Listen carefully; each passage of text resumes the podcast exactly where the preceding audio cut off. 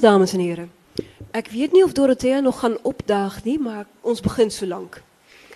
Ek het hier buitengewoon een voorrecht om voor jullie bekend te stellen aan Saskia de Koster. Uh, zij is een baie veelzijdige kunstenares. En ik denk van hier af gaan ons Nederlands praten. En als daar enig iets is wat jullie niet verstaan, nie, uh, sê alsjeblieft. Maar als ik voor Daniel zie en ik zie voor Sandra, dan hoor ik niet eindelijk niet. Oké, goed. Want ik ken wel één woordje um, Zuid-Afrikaans, baaien. Maar meer zal ik niet kunnen zeggen. Baaien dus.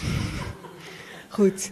Um, je bent baie veelzijdig uh, en heel talentvol. Uh, als kind won je al een landelijke schrijfwedstrijd. Was je junior journalist van het jaar.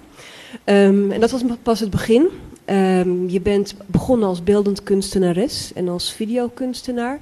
En daarna ben je gaan schrijven. Mm -hmm. En het, de beeldende kunst heb je nooit helemaal opgegeven. Want je vertelde me dat, hoewel je nu niet meer exposeert, je toch eigenlijk altijd nog wel bezig bent om je verhalen ook vorm te geven in tekeningen en uit te werken op die manier. Um, maar goed, je bent gaan schrijven. In 2002 ben je gedebuteerd met een verhaal in het Nieuw Wereldtijdschrift. En daarna verschenen een aantal nog dunne romans, meer novelles. Um, het eerste was Vrije Val in 2002, uh, in 2004 Jeuk, in 2006 Eeuwige Roem, in 2007 Held. En uh, in 2011 verscheen voor het eerst een boek van Langere Adem. Dit is van mij, deze roman. Uh, ja, dat is 2009 was het dan. En nu heb ik vier jaar uh, de tijd genomen voor een nieuw boek. En dat heet Wij en ik. En dat is dus een dik boek, in tegenstelling tot de vorige. En dat verschijnt 11 maart. En waar ben je dan? Uh, dan hang ik in de lucht boven Zuid-Afrika en Europa. Um, en dan ligt ik in de winkels. Dus het is wel een reden om terug te gaan naar België dan. Uh, want het is toch altijd spannend om een nieuw boek zelf te kunnen vastpakken en het zelf te kunnen voelen. Dus het is wel leuk dat ik nu even hier ben en dan kan teruggaan om mijn uh, geesteskind te gaan zien in de winkel. En zeker te zijn ook dat het echt bestaat. Want uh, als je zo schrijft, denk ik altijd, hè, het gaat van mijn laptop, je stuurt het naar de uitgever. Maar het is toch spannend. Ik denk dan altijd van, oh, zou, zou het er nu wel echt van komen? Gaat het echt een boek worden? Dus uh, ik geloof het dan niet echt. Uh, dat moet ik dus even gaan checken. Ja, en je vertelde me ook dat jij de voorkant hebt ontworpen? Ja, dit keer heb ik uh, zelf de cover gemaakt, omdat ik het sowieso heel belangrijk vind in ja, welk jasje je je geesteskind gaat kleden. Hè. Het is meer dan of ik zou heel beledigd zijn als ze gewoon bladzijdes uitprinten en daar een plastieke zak rond doen en hup, dat is het boek. Ik vind uh, de presentatie of ja, de make-up van het boek eigenlijk uh, essentieel als een soort van visitekaartje voor wat er uh, in het boek zelf staat. Dus ik heb daar dan graag ook zelf de controle over. Wat soms wel luid, leidt tot uh, ruzies met de uitgeverij. Omdat die het heel leuk vinden om daar een prentje van een schaap of zo op te zetten. Of een bloem. Iets wat absoluut niets te maken heeft met het boek, maar wat in de databank van ja, de typische boekencovers zit. Dus dan denken ze van, als het dan geen schelp is, wordt het wel een meisje met een zonnehoed. Of, maar het past helemaal niet bij mijn werk, dus daar en heb ik dan geen zin in. Volgens mij ben je ook vaak bezig met een combinatie van tekst en beeld. Dat je veel samenwerkt met andere kunstenaars uit andere disciplines. Ja. Hoe ervaar je dat? Um, ja, eigenlijk, uh, om eerlijk te zijn, is dat iets wat ik ook niet, niet goed kan verklaren. Maar uh, volgens mij is dat ontstaan in mijn uh, kindertijd, of nog vroeger misschien, in de buik van mijn moeder toen ik droomde van uh, het grote boek dat ik zou gaan schrijven. En dat heb ik ook wel beschreven in uh, mijn derde roman, Eeuwige Roem. Dus als babytje zwemmend in de buik van mijn moeder had ik het grote plan om één woord te gaan schrijven. Ja, uiteraard was ik daarbij. Als, dus negen maanden voor ik op aarde kwam, zoals wij allen, zwemmen we dan eerst een beetje rond. Um, en dus daar was mijn plan om één groot woord te gaan maken dat alle boeken overbodig zou maken. Maar ook een woord dat echt in de ruimte staat, dat dus heel groot is en zo. Dat was echt mijn, mijn, um, ja, een soort eh, boek dat alle bijbels der bijbels eh, in het niet zou doen verdwijnen. Dat is wat ik ook beschrijf in uh, Eeuwige Roem. Ja, dat is één woord, moest dat zijn. Maar dan ja, stap je in de wereld en merk, merkte ik van dat mensen mij ook om te beginnen al niet begrepen. Een babytaaltje, dat uh, was redelijk onbegrijpelijk. Dus dan begon ik te kleien en te spelen in de zandbak en zo. Maar ook dat vonden mensen niet zo indrukwekkend. Dus uh, de ontdekking dan van het Nederlands of van een taal was wel ook van heel groot belang dan. Oké, okay, je zegt het Nederlands, want ik vroeg me af of jij jezelf beschouwt als een Vlaamse, een Belgische of een Nederlandstalige schrijver. Hoe zie je dat? Goh, um, bah, ik zie mezelf als een wereldschrijfster, denk ik eerder. Uh, het is altijd heel vreemd als mensen van, van buitenaf die vraag gaan stellen, maar ik begrijp ze wel omdat het, denk ik, voor uh, mensen hier bijvoorbeeld toch een, vreemde situatie is. Je hebt België en bestaat uit Vlaanderen en Wallonië. Vlaanderen is... Um, ja, ik spreek Vlaams, dus strikt genomen. Hè. Als wij met elkaar spreken, ik weet niet of jullie dat horen, maar er is wel een, een verschil in dialect, laat ons zeggen. Is dat voor jullie verstaanbaar? Of... Hm? Ja. Um, dus ik spreek Vlaams. En jij spreekt Nederlands, dus uit uh, echt Nederland. Um, en ik zit wel bij een uh, uitgever in Amsterdam, wat vroeger uh, oorspronkelijk gezien werd als een, een, betere kwaliteit van uitgevers. In, nog altijd in de grachtengordel heb je toch de grote uitgeverijen. Um, en voor mezelf was het ook wel fijn om, om daar te gaan, omdat je dan wist van ah, ik zit bij een, een respectabele uitgever. Um, en daardoor denk ik ook dat bijvoorbeeld mijn uh, werk um, soms dus in de drukproeven gecorrigeerd wordt. Hè, dat de echte Vlaamsigheden, dus de woorden die voor Noord-Nederlanders moeilijk te begrijpen zijn, dat die eruit gehaald worden. En ik heb er ook geen probleem mee. Dus ik sta er niet op van mijn woorden moeten echt absoluut Vlaams blijven. Ik vind dat ze uh, verstaanbaar moeten zijn. Ook omdat mijn verhalen um, over meer gaan dan alleen Vlaanderen. Kun je een dus, voorbeeld geven van een woord dat er dan uitgehaald wordt ten behoeve van het Nederlandse um, Ja, er zijn zo van die woorden die bijvoorbeeld, en dat gaat dan om heel praktische zaken, een VZW, in Vlaanderen is dat een vereniging zonder winstoogmerk, maar dat is iets wat Nederlanders uh, totaal onbekend is. Een stichting. De stichting is dat dan, dat is een stichting. Uh, maar je hebt ook woorden, neem nu een botsbal in het Nederlands. Uh, Weten jullie wat dat is? Botsbal? Nederlanders kennen het blijkbaar ook niet. Dat is een, uh, jullie zeggen stuiterbal. Aha. En wat is dat in het uh, Zuid-Afrikaans? Daniel, wat is dat in het Zuid-Afrikaans? Hm?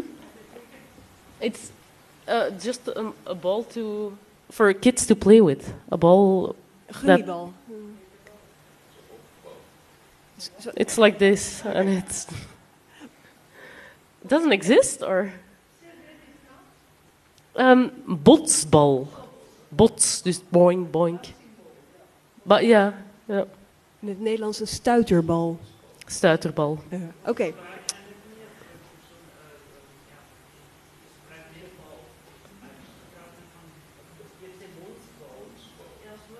Bons, ah ja.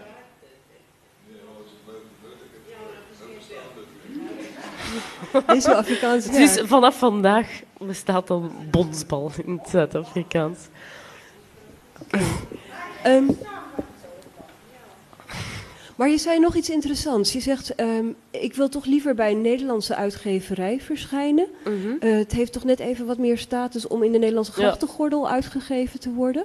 Wat gebeurt er met boeken die uh, bij een Vlaamse uitgeverij verschijnen? Uh, maar ondertussen um, is er wel een verschuiving aan het komen, denk ik. Ook in Vlaanderen komen er nu een aantal uitgeverijen die toch uh, echt wel goed zijn, of die afsplitsingen zijn van de Nederlandse. Um, maar toen ik begon, en dat is tien jaar geleden, dus dat is ook al lang geleden, was toch mijn indruk dat, dat het echt in Nederland beter was. En er was er is misschien ook de afgelopen, laten we zeggen, afgelopen 30 jaar een uh, verandering gebeurd.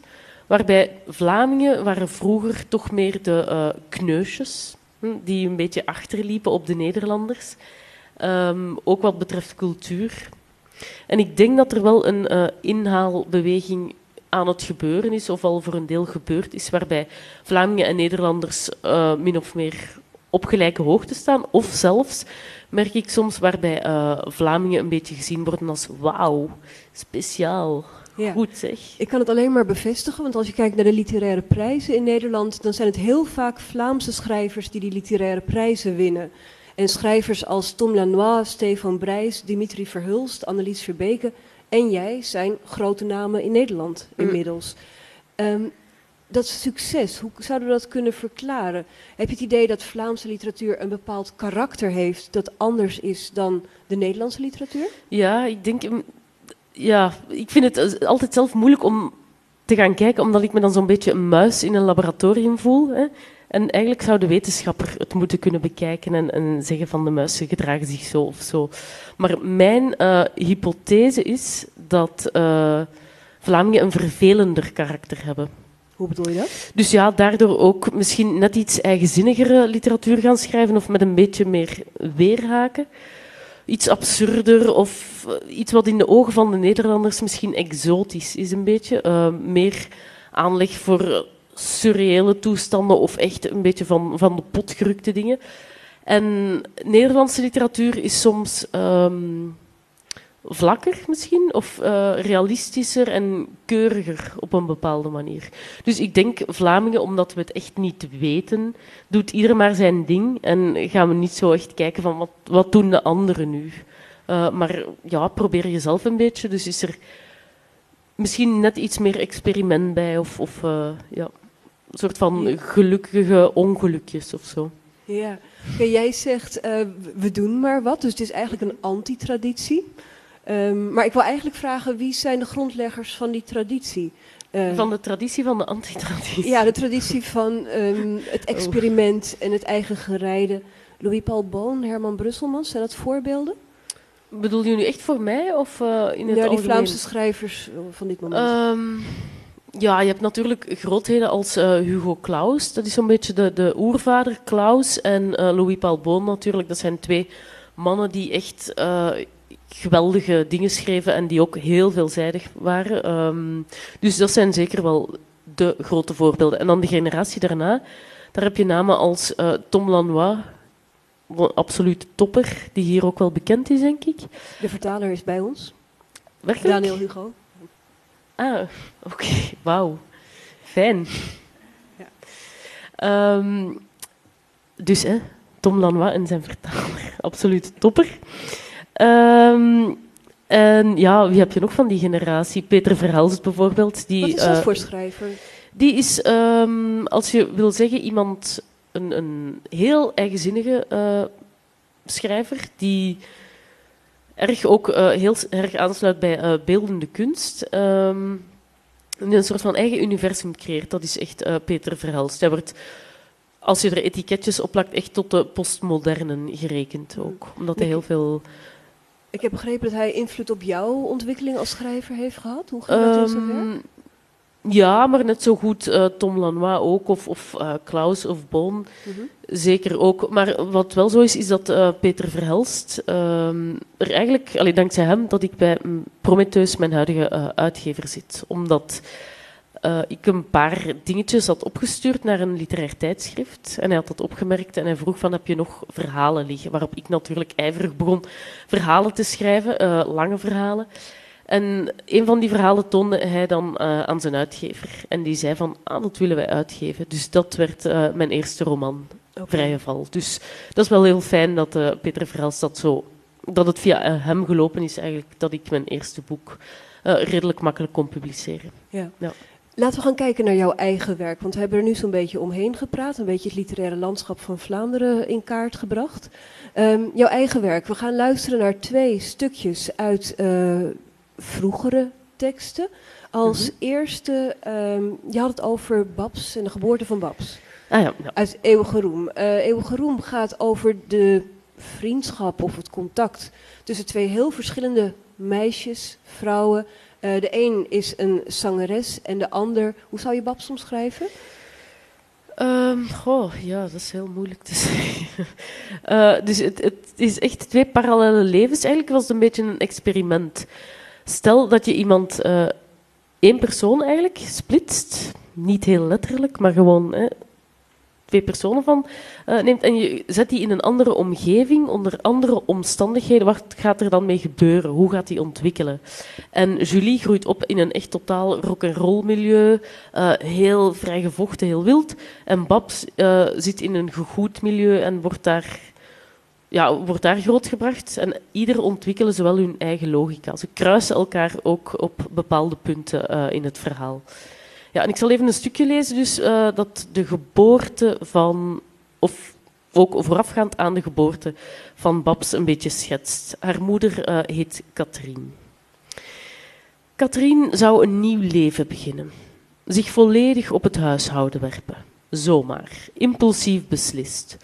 Ze kon haar geluk, getoond zetten op een concerto van vallende waterdruppels, niet op. Het geheim van haar uitbundige geluk droeg de vrouw met zich mee. Tot ze tijdens een doktersbezoek ontdekte, ontdekte dat ze weer een mensje in zich had, dat net als de planeet Aarde, bevestigde de dokter, voor 70% uit water opgebouwd was. Katrien vond nu ook een verklaring voor de plots opkomende bliksemschichten in haar hoofd. De moeder voedde haar ongeboren kind met een koppig mengsel van suiker, euforie zinnen uit thrillers en het getater van Laura. De tweede zwangerschap deed Katrien stralen van binnenuit. Ieder moment van de dag en de nacht was ze zich bewust van de aanwezigheid van het nieuwe leven, dat druppelconcerten gaf, dat voetbal speelde en dat al slim genoeg was om mee te lezen.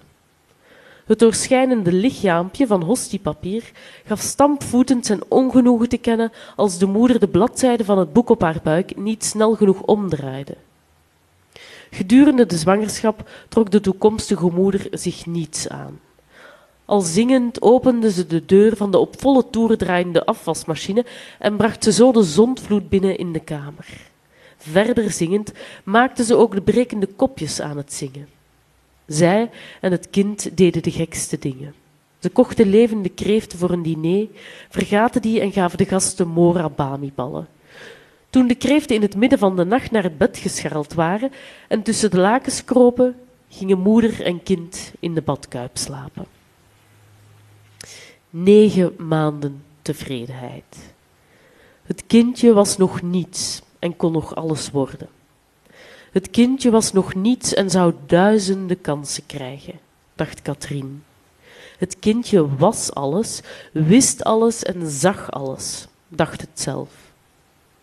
Negen maanden als een geestesverruimende toestand die zo gelukzalig was dat zowel moeder als kind bijna de bevalling uit het oog verloor. Door de natuur aangemoedigd kwam het er dan toch van.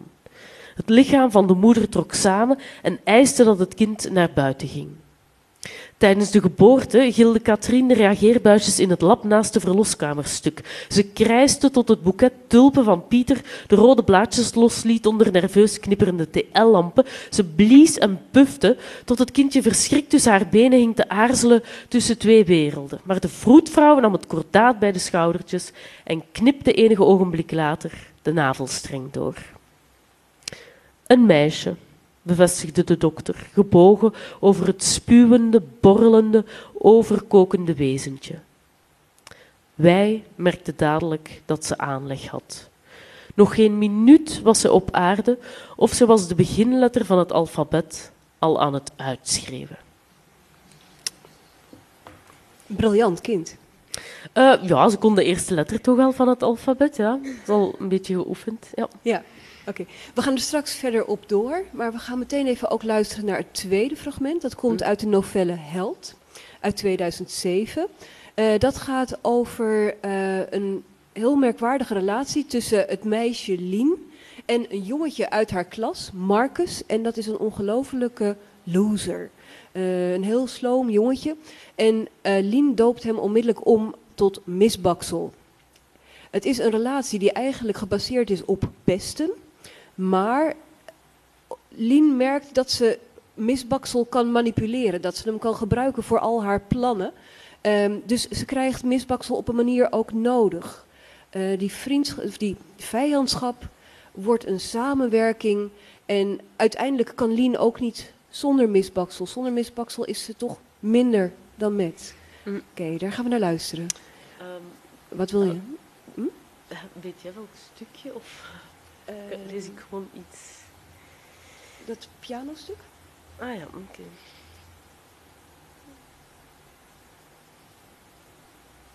Ja, sorry, even een kleine pauze. Ehm, ja, oké, ik heb het. Eh, dus ja, Lien krijgt... eh, haar vader is heel afwezig en die zegt haar dat het een goed idee is om pianolessen te gaan volgen. Ze zegt, oké, dat is goed, dat zal ik doen. Eh, ik zal naar die pianolessen gaan, maar ze heeft het veel te druk met eh uit stelen gaan. Dus ze gaat helemaal niet naar die pianolessen. En dan op een avond komen collega's van eh, haar vader eten. De collega's van mijn vader zaten rond de tafel amuses te eten, in afwachting van het uitgebreide huisdiner. Ze hadden het over kunst en cultuur en een van hen stuurde het gesprek onvermijdelijk richting piano's. Toen drong mijn vader bij mij aan op een privéconcert voor zijn collega's. Met klamme handen nam ik plaats achter de piano. Ik draaide de pianostoel hoger en lager in de hoop op een hartaanval. Maar tegelijkertijd wist ik, ik heb nog maar één keer mijn handen op een klavier neergelaten en nu zal ik het concert spelen waarvan Mozart blijft draaien en dansen in zijn graf. Ze is zich aan het voorbereiden, zei mijn vader tegen zijn gasten, en hij liet de wijn nog eens bijschenken en de oesters nog eens rondgaan.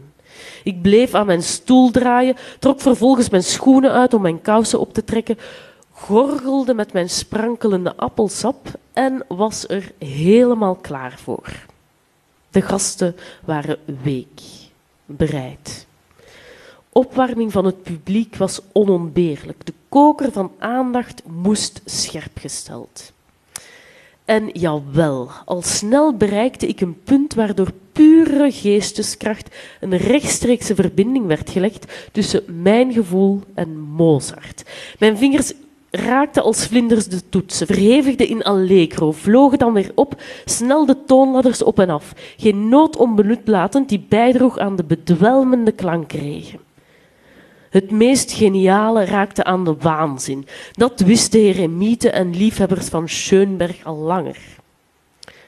Opeens voelde ik mijn vaders hand op mijn schouder.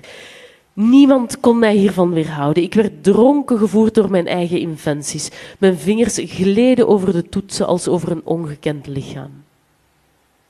Ik schrok van mijn vaders reactie.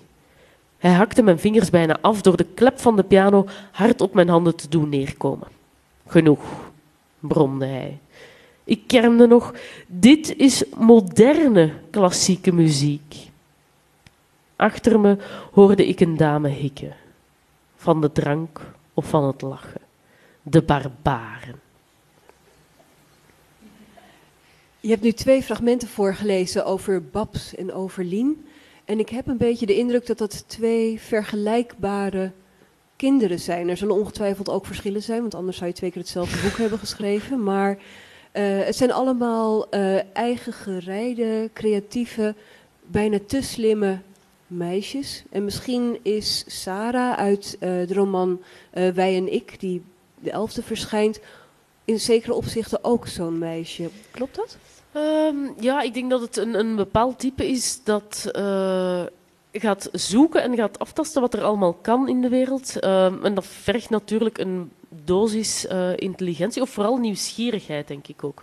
Ehm, een soort van verwondering van, hè, wat, wat is hier allemaal en, en hoe is het mogelijk dat er zo'n wereld bestaat? Of, of bijvoorbeeld in eh Eeuwig Roem heb je ook eh, Babs die dan met de wormen gaat praten van hoe kan het als ik een worm in twee hak? Hallo, dan heb ik twee wormen. Ik kan met twee wormen babbelen.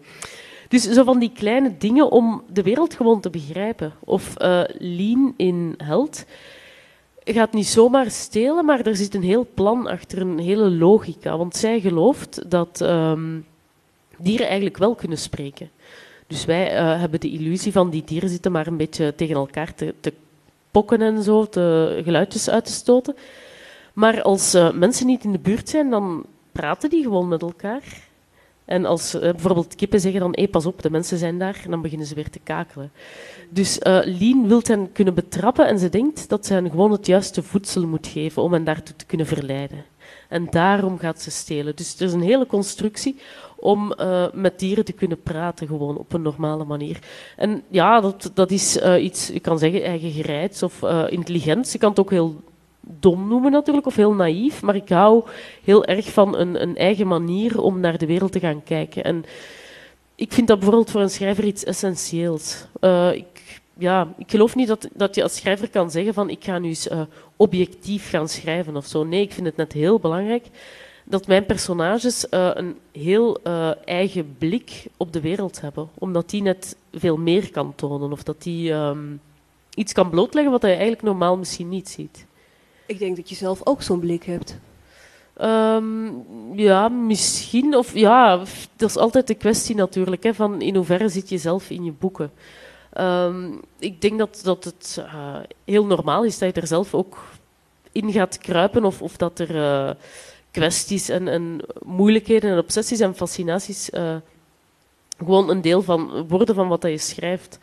Um, ja, en het is, ik, vroeger als kind was het voor mij een, een aftasten van ja, wat de wereld nu eigenlijk was. En, en iedereen heeft dat waarschijnlijk van die rare dingen waarvan je achteraf zegt van... Ik herinner me bijvoorbeeld als kind uh, had ik een tijdje moeite om te kunnen slapen. En ik ging dan naar mijn moeder en ik begon te zeggen van, ach, ik kan echt niet slapen, lukt niet, lukt niet. Um, en dan zei ze van, ja, maar je moet je ogen wel dicht doen. En dan dacht ik van, oei, ja, dat wist ik helemaal niet. Niemand heeft mij ooit verteld dat ik mijn ogen moet dicht doen om te kunnen slapen. Ja. En is daar ruimte voor, voor zo'n kind met zulke bijzondere opvattingen? Of liep je vaak tegen een muur aan? Wel, ik liep toevallig um, eigenlijk letterlijk heel vaak tegen muren, omdat mijn ogen zo slecht waren. Dus, ja, of de, um, ik, ja, ik had altijd wel de neiging om van alles uit te proberen op positieve en ook negatieve manieren. Bijvoorbeeld, uh, ik vond het heerlijk om met mijn uh, kleren in de prikkeldraad te gaan hangen of zo. Dat ik mijn kleren heel lelijk vond en dan dacht ik van laat ik er dan iets creatiefs, destructiefs mee doen. Dus uh, ik, klim dan maar in de prikkeldraad. Mijn moeder vond dat vaak heel lastig, denk ik. Maar um, ja, voor mij was het een, een, een manier om, om, een beetje te, zoeken wat uh, mijn plaats was. En ik denk dat het nog altijd wel zo is, dat, uh, dat je als schrijvend zoekt van dit is de wereld. Ik vind dat ook een, uh, gewoon een ontdekkingstocht. Dus ik, ik vind het altijd boeiend. Ik vind de wereld ook heel vreemd. Ik vind het ook heel raar dat wij hier um, bijvoorbeeld zitten te converseren. Wat heel, heel mooi is, maar ook heel vervreemdend op zich. Op zich denk ik wel dat er in jouw werk een ontwikkeling te zien is. Um, dat jouw personages ouder worden naarmate je zelf ouder wordt. Ik ben natuurlijk nog steeds heel jong, maar je merkt dat in Held en Eeuwige Roem, daar zijn de personages heel jong. Mm -hmm. um, in Dit is van mij zijn het jonge volwassenen. Maar in je nieuwe roman, Wij en Ik, volg je je personages tot, totdat ze bejaard zijn, zelfs, als ik aan Mieke denk. Ja, dus in mijn volgende boek zijn ze allemaal dood. misschien. de, ja, er zit misschien wel iets in, maar um, ik denk eigenlijk dat mensen ook heel oud geboren worden. Dus in die zin klopt het misschien niet helemaal. Ik denk dat, dat je, um, wanneer je geboren wordt, je eigenlijk ook al heel veel dingen wel weet. En dat die zekerheden net gaan afbrokkelen. En het is die onzekerheid of die twijfel um, waardoor je je net ook veel meer vragen gaat stellen. Bijvoorbeeld, het is wel zo dat ik, uh, ik schrijf nu ook veel meer columns dan vroeger. Die zijn ook veel politieker getint. Um, je zou kunnen zeggen, die zijn geëngageerd in, in, op sommige momenten. Soms, ik heb ook helemaal geen zin om altijd geëngageerd te gaan zijn. Dus het kan ook over complete ja, banale, triviale dingen gaan. Maar uh, dat is waar. Ik vind dat de onzekerheid gewoon toeneemt naarmate je ouder wordt. Dus misschien is dat net... Ja, het hangt er maar vanaf hoe je dat gaat definiëren. Hè. Of dat uh, net jonger worden is of ouder worden. Weet ik niet. Als je kijkt naar hoe jij de literatuur bent binnengestormd, uh, een novelle als Jeuk bijvoorbeeld, was veel experimenteler dan het mm. werk dat je later bent gaan schrijven. Dit is van mij is al realistischer en eh, de zinstructuur is ook al anders. Mm. En Wij en Ik is helemaal een redelijk traditionele roman. Ja. Ehm, was dat het zelfvertrouwen van de jeugd waarmee je binnenkwam? Goh, ik voel mij oud opeens. Ehm, nee, ik denk eh, bij het begin, als je zo werkt, voor mij is taal heel belangrijk. Dus echt de materie waarmee ik werk, dat zijn, ehm, ja, dat is, ik vind dat echt cruciaal, verwoording, zinnen. Maar ik denk dat je in het begin, en zeker toen, toen ik begon, was ik daar heel erg mee bezig. Ik was er echt uh, gefascineerd door iedere zin moest op zich een pareltje zijn. En uh, waardoor het verhaal meer gaat verbrokkelen, dat is logisch. Uh, en nu, bijvoorbeeld mijn laatste roman, Wij en ik, daar was ik ook zo begonnen. Met een groot experiment, eigenlijk een vrouw die terugkijkt op haar leven maar eh, ze kan ook er letterlijk in, in rondlopen. Dus ze kan scènes zien van zichzelf toen ze een klein meisje was en zo.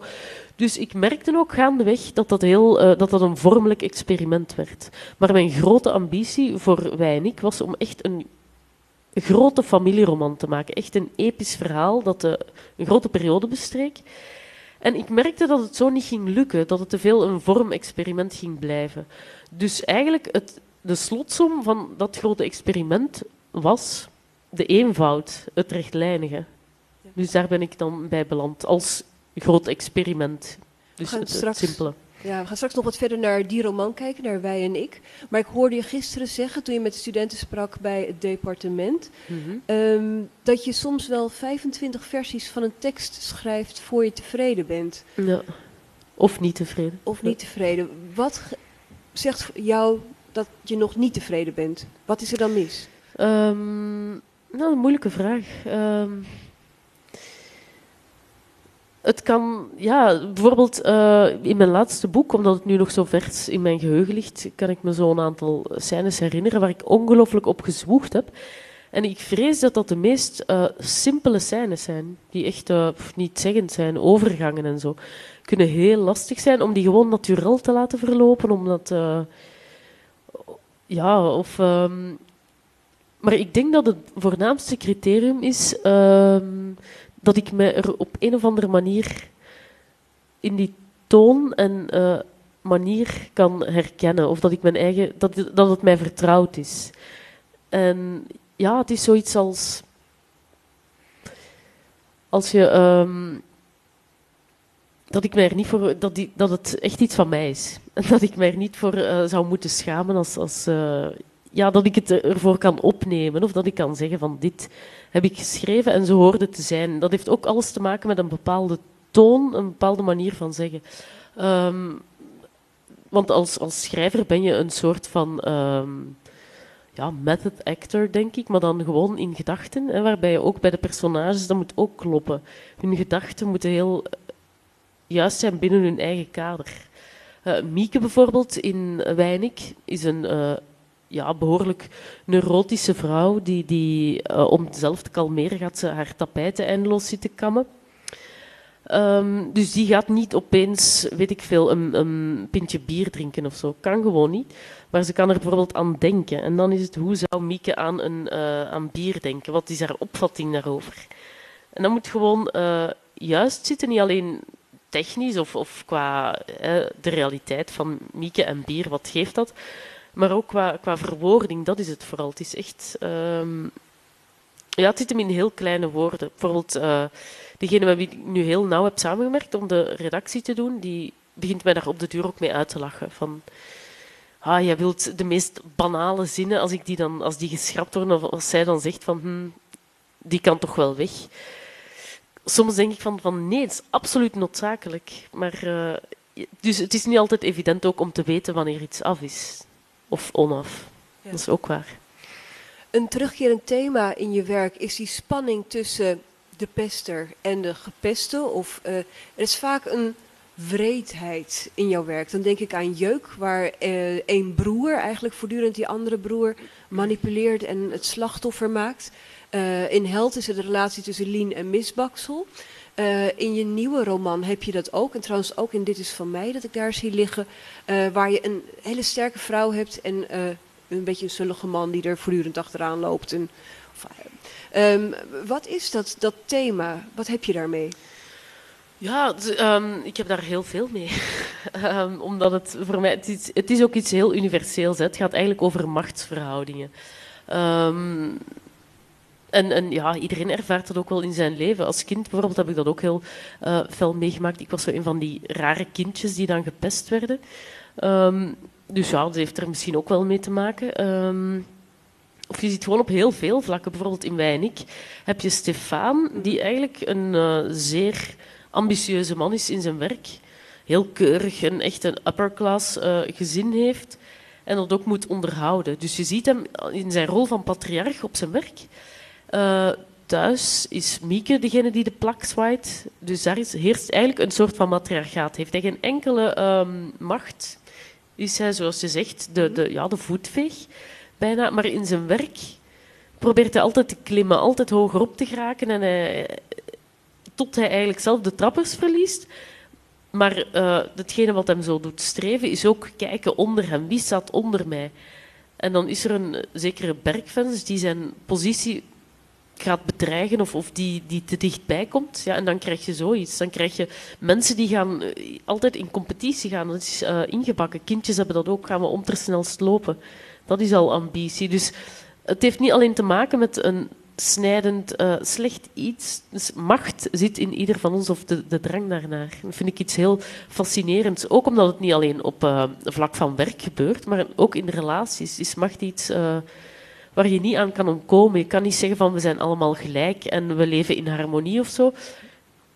Ja, zo, zo, zo gebeurt het niet. Je streeft altijd naar een soort van balans. Of, zoals in Held, uh, naar een totale complementariteit, waarbij de ene uh, alles gaat trekken en de andere volledig volgt en zwijgt. Ja.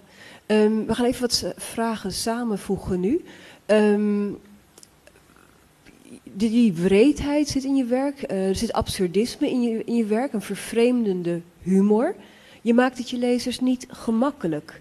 Vind jij het belangrijk dat literatuur ontregelt? um, ja, ik denk dat, dat uh, echt literatuur dat per definitie doet. Dat je, ik ga niet zitten en denken van oh, hoe ga ik de mensen nu eens kunnen schofferen en um, wat gaan ze nu ja, absurd vinden of zo. Komt, ja, komt, komt er gewoon al schrijvend wel uit, maar ik, het is wel zo dat ik mezelf uh, gewoon niet genoeg uitzaging zie als ik uh, een formule ga schrijven. Of van laten we eens een thriller schrijven met de butler heeft het gedaan en zo. Ja, sorry, daar, kan, allee, daar wil ik mijn tijd gewoon niet in stoppen. Dus ik denk dat dat er wel uh, mee te maken heeft. Ook dat je voor jezelf gaat zoeken van wat er niet zo evident is. En ja, dat vindt zijn weerslag in, in wat je schrijft. Dus ik denk echte literatuur is sowieso altijd voor een deel ontregelend, maar niet altijd op een negatieve manier. Of, of ik bedoel niet in de zin van dat je er volledig van uh, gedegoûteerd bent of wauw, hoe verschrikkelijk. Nee, het kan ook op een heel mooie manier zijn, waardoor dat je net denkt van uh, een soort van, van lichtheid of een diepzinnige lichtheid in, in het leven kan brengen. vind ik ook de mooiste dingen. Um, Neem nu Marquez bijvoorbeeld, die is haar meester, Gabriel Garcia Marquez, is zo iemand hè, die met zijn magisch realisme de wereld kan optillen eigenlijk. Vind ik ook prachtig. En dat is ook ontregelend. Ja. Dus ik vind dat noodzakelijk. Ja. ja. We gaan nog even naar Wij en Ik. Um, dat is een roman van epische allure. Het beschrijft een periode van 1980 tot 2013. Waar speelt het zich af? Uh, ja, in Vlaanderen, dus echt in de Vlaamse klei. Nee, eigenlijk niet in de klei, want het is op een berg. Uh, dus een verkaveling. Ik weet niet of jullie een verkaveling kennen. Nee. goed, goed voor jullie. Sorry? Nee, verkaveling heet het. Verkaveling. Ja, nou, anders moet je het mij uitleggen, want in het Nederlands kennen we het ook nee? niet. Oké, okay. zie, dat is weer een van die uh, grote cultuurverschillen. Uh, het is eigenlijk een, een uh, heel mooie woonwijk waar iedereen zeer veel ruimte heeft voor een grote tuin. Um, en een grote villa natuurlijk, met uh, een zwembad. In, in, Vlaanderen kunnen wij nooit zwemmen, maar toch hebben we dan een zwembad nodig. Uh, eh, liefst een tennisbaan, misschien nog een paard of zo erbij. Dus iedereen zit daar achter zijn gevel. Uh, mensen gaan ook altijd goed kijken wat anderen doen. Maar je mag niet te veel bij elkaar op bezoek gaan, want dat stoort. Ehm, dus dat is eigenlijk een beetje de, zo, daar heb ik het gesitueerd. Het is op een berg. Dus je hebt ook een sterke tegenstelling tussen mensen op de berg en diegenen in het dorp. Ze roddelen veel over elkaar, maar ze hebben eigenlijk geen contact. Is dat een typisch Belgisch milieu? Ehm, het is een milieu dat ik zelf heel goed ken, me heel vertrouwd is. Het is niet typisch, maar wat je vaak ziet in Vlaamse literatuur, of wat we al, voor mij al genoeg gehad hebben, is zo'n beetje het miserabilistische, de cafépraat van de zatlappen die rondzwalpen en uh, eindeloos biertjes gaan drinken. Dan had je ook al uh, heel veel de erg burgerlijke romanen, met een, liefst een schoolmeester in de hoofdrol. Um, en ja, de, het is een beetje meer de upper class, ook het erg uh, rechtsconservatief denkende milieu. Um, vind ik heel boeiend en is ook nog nooit aan bod gekomen echt in, in boeken. Of ook niet op een manier om ermee te spotten. Het is niet dat ik voortdurend de spot drijf, maar ik bekijk het wel uh, aandachtig. En ik denk ook dat dat milieu een, in een gecondenseerde vorm wel weergeeft wat er, wat er leeft in Vlaanderen, België en vooral ook bij uitbreiding in heel Europa. Omdat daar uh, het gaat heel erg over macht en er zit een heel groot streven in en een heel grote angst om te falen. En als je faalt, um, zoals bijvoorbeeld Stefan in Weinig, dan uh, ja, ga je radicale keuzes moeten maken. Ik denk dat dat uh, het, een beetje de, de angst is van het Europa van vandaag. Wij zijn heel erg bang dat onze macht zo tanend is, onze positie um, niet meer zoals ze vroeger was. En je ziet het overal. Hè. Het, het, modewoord is crisis. Eerst was er de oliecrisis, dan de. Um, ja, wat was het? Allee, er worden altijd nieuwe crisissen uitgevonden. Dus het is dagdagelijks een, een nieuwe crisis erbij. Ja. En voor mij was dus dat milieu een ideale uh, manier om te tonen wat er allemaal broeit en, en leeft in Europa. Het boek uh, bestrijkt een periode van 33 jaar, 1980, uh, 2013. Heb je veel onderzoek gedaan naar wat mensen luisterden in die tijd aan muziek? Hebt, hoe heb je dat historisch kader gecreëerd? Um, ja, eigenlijk door zelf te leven, vooral. Ik heb natuurlijk wel een aantal feiten terug opgezocht en zo, maar het is een periode die ik zelf meegemaakt heb. Um, Natuurlijk heb ik zo wat hè, de Koude Oorlog of, of, die dingen heb ik dan minder bewust meegemaakt. Dan was ik nog heel klein. Um, het is een historisch boek, er, zit veel, er zitten een aantal feiten in, maar ik heb ze niet helemaal. Uh, het is niet bijvoorbeeld vijf bladzijden dan over uh, de Golfoorlog of zo. Dat komt altijd en passant voor. Personages uh, gaan net feiten, dagdagelijkse dingen uit het nieuws gebruiken. Uh, bijvoorbeeld zoals Mieke, die eigenlijk heel beschaamd is in haar broer, die een, een, zo echt een klaploper is. En zij gaat hem overtuigen om soldaat te worden en uh, in Irak te gaan vechten in de Golfoorlog. Dat is bijvoorbeeld een manier om dan uh, die tijd ook een beetje te schetsen. Maar ik ga dus niet echt systematisch nagaan van jaar tot jaar van dat, dat gebeurt er nu. Maar ik heb daar ehm, ja, wel, wel rond opgezocht, maar dat was nu niet het grootste deel van, van mijn schrijftijd of zo. Wat ik zelf heel grappig vind, het zijn bepaalde details. Ja, de muziek. vooral in de details. Ja, en ja. wat is een kruimeldief? Een kruimeldief? Dat is toch... Nee? Een kruimeldief is zo'n uh, iets wat ze dus in de verkaveling gebruiken. um, een, zegt het jullie iets? Een kruimeldief? Of, uh, nee. Ja, ja. Hebben jullie, dat bestaat hier toch ook? Of, uh, nee?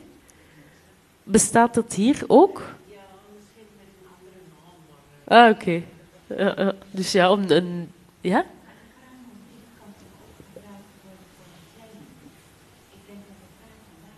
Voor, voor wat? Nee, nee. Ah, zo, kruimeldiefstal. Ja, ja, dat is waar. Dat is waar. Ja. Ah, dat is interessant. Dat is wel slim gezien. Hè? Ja, dat is best mogelijk. Hè? Ja. Ja. Dus je hebt kruimeldiefstal, is diefstal van, weet ik veel, uh, een pakje sigaretten of, of zoiets. Ja, dat is waar. Ja. ja. En een kruimeldief is dus een, een mini-stofzuiger, zeg maar. En dus essentieel ook, hè, als je zoals Mieke bijvoorbeeld uh, enorm hecht aan je tapijten en dat die altijd proper zijn, dan is een kruimel die veel makkelijk om uh, koekjes bijvoorbeeld, kruimels van koekjes te gaan uh, opstofzuigen. Ja. Dat is een van, haar, van de vaste attributen van Mieke in Weinig. Ja. Um, ik kreeg net een teken dat we bijna moeten ophouden. Uh, nog even een vraag. Um, heb je nog plannen voor de toekomst? Wat ga je hierna doen? Um, eigenlijk is mijn plan, omdat ik nu zoveel en een, een, groot boek geschreven heb, wil ik nu met terug meer met uh, beeldend werk gaan bezighouden. Dus ik heb ook, terwijl ik schreef aan Weinig, tekeningetjes gemaakt en, en voorwerpen die bij mijn personages pasten, gewoon voor mezelf, om daar... Uh, ja, om helemaal in de wereld van mijn personages te zitten, dat vind ik zalig. Dus ik denk dat ik nu gewoon heel veel ga tekenen. En uh, ja, bijvoorbeeld ook een uh, radioboek schrijven over Stellenbosch. Dat is ook wat ik tegen 1 april moet doen. Dat is een heel leuk project, citybooks.eu. En daar, dat zijn luisterboeken. Dus over Stellenbosch ga ik er ook eentje schrijven. En daar heb je vandaag inspiratie voor opgedaan? Ja, ja ik ben volop bezig. Ja. Oké. Okay. Zijn er nog vragen vanuit de zaal?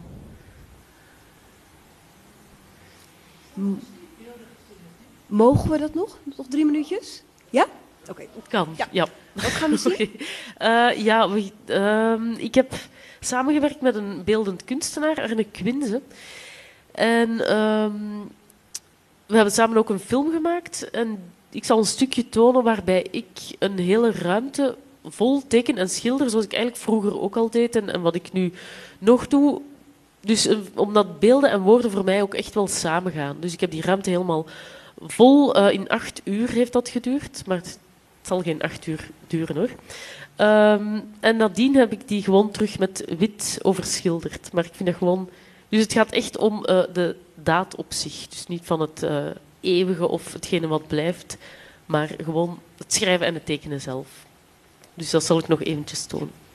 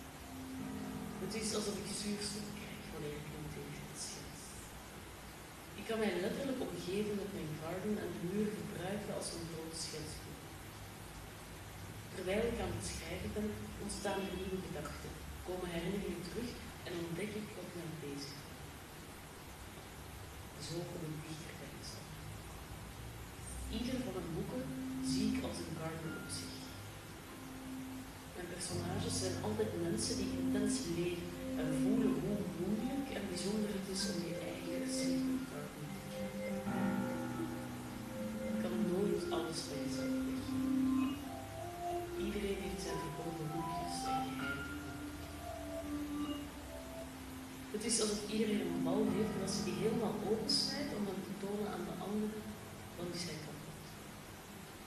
Terwijl ik mijn eigen garden opbouw, kan ik me heel erg op mezelf voelen en tegelijk verbonden met anderen.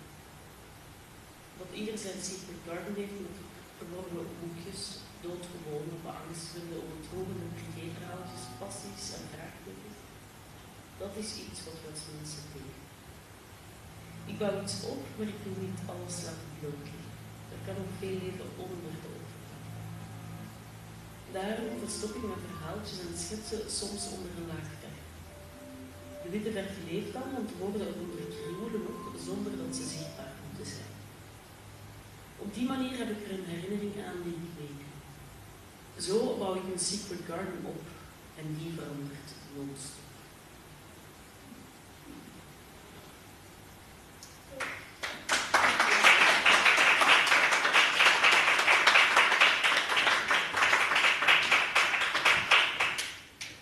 nu afronden. Dankjewel Saskia de Koster en jullie allemaal bedankt voor het luisteren. Tot ziens. Ja, dank jullie wel. Fijn publiek.